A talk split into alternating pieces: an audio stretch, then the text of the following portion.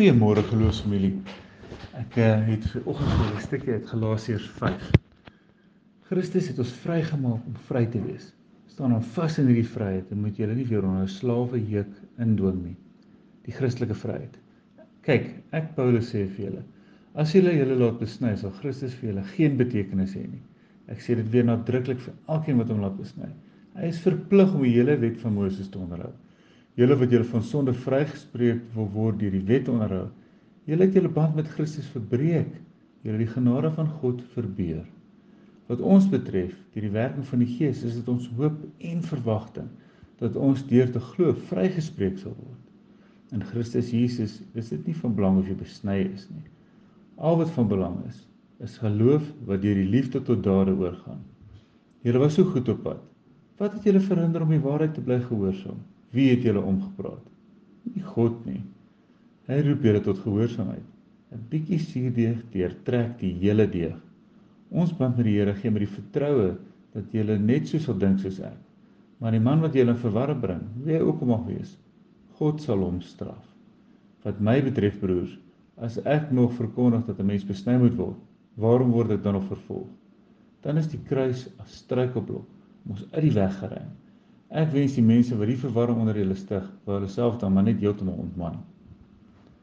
Sjoe, wat 'n stelling, né?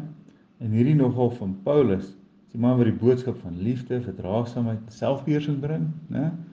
Paulus is ontstel oor mense wat terugval in ou rotines, backsliding.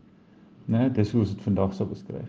In sy tyd, jy sal sien hy het uh, vroeër in die brief van Galasiërs het hy Petrus tereg gewys oor oor sy uh ou Joodse gebruike wat so ingesluip het na die wonderlike verlossing is gebring en dan dan kom die ou gewoontes wat ons het en dit kom weer terug in en ons gebruik dit om ons homself van ander te kan onderskei.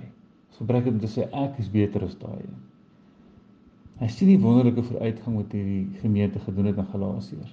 Wat maak hulle? Hulle gee dit prys vir wettiesheid, die ou gewoontes. Hy is baie ontstel daaroor en mense kan dit verstaan. Kyk, daar is 'n paar redes hoekom hierdie goeters gebeur, né? En ek gaan hulle in 3 groepeer so vinnig. Die een is die lewe moet aangaan, né? Werk, familie, vriende. Ons moet nog steeds funksioneer in hierdie sondegevalle wêreld. Word nog steeds honger, is maar dieselfde ding regtig. Ek het fisiese behoeftes. Ek moet eet, slaap, drink. Ehm um, dis maar goeters wat ons moet doen. En ehm um, mense het maar fisiese behoeftes wat nie noodwendig in lyn is met geestelike behoeftes nie. Nou die derde een, jy soek na die volgende haai of geloofsoorwinning, maar geloofsoorwinning is nie regte woord regtig nie. Jy soek na geloofsoorwinning, dit is storm chasing. So die eerste twee vir my val onder die suurdeeg kategorie wat wat Paulus ook hierin aanspreek. Hy sê daai bietjie suurdeeg wat wat jy moet wees in jou omgewing, né? Die Here gee mos nou hier sy hart. So jy moet al die deeg om jou verander. Jy moet die mense om jou verander om om hulle bruikbaar te maak, né? Om hulle te affekteer sodat hulle brood kan wees, sodat hulle kan bruikbaar wees in die koninkryk van die Here. Maar daar's ook 'n stelling wat sê as jy jouself met die semels meng, gaan die varke jou vreet. En hierdie gaan oor dat jy nie moet wees soos die semels nie. Jy moet anders wees. Jy kan nie saam vloek en skel en in en drink nie. Daar's niks fout om gesellig te wees nie, maar jy moet jy moet anders wees. Jy moet uitstaan. Die Here se hart moet uit jou skyn. Die laaste voorbeeld is natuurlik uh, vir my waar ehm um, waarin daar ook nogal baie baie goeders gebeur vandag. Ehm um, dit is waar die oorwinning behaal word, né? Nou, jou siel is gered. Um, maar dit is soort van nie goed genoeg vir jou nie. Jy soek daai volgende oomblik. Maar plek so dat jy daai oomblik vind in 'n verdieping met die Here, dan wil jy die redding weer ervaar.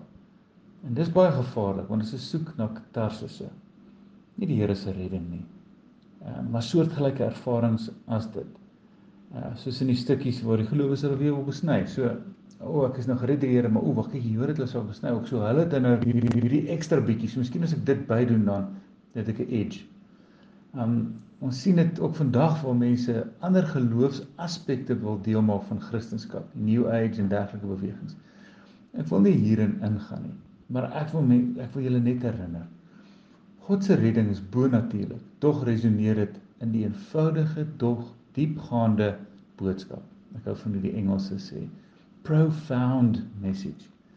As jy met die mond bely dat Jesus die Here is en met jou hart glo dat God hom uit die dood opgewek het, sal jy gered word. En met die hart glo ons en ons word vrygespreek. En met die mond bely ons en ons word gered. Hier's waar ons redding lê. Nie in wette nie, nie in enige iets anders behalwe Jesus nie. Kan ek vir ons bid? Dankie Here dat U ons red. Dankie Here dat U U bemoei met ons. Dankie Here dat U ons naam in U halingpalm skryf. Dankie Here dat U vir ons lief is en dat U ons wil red. Amen.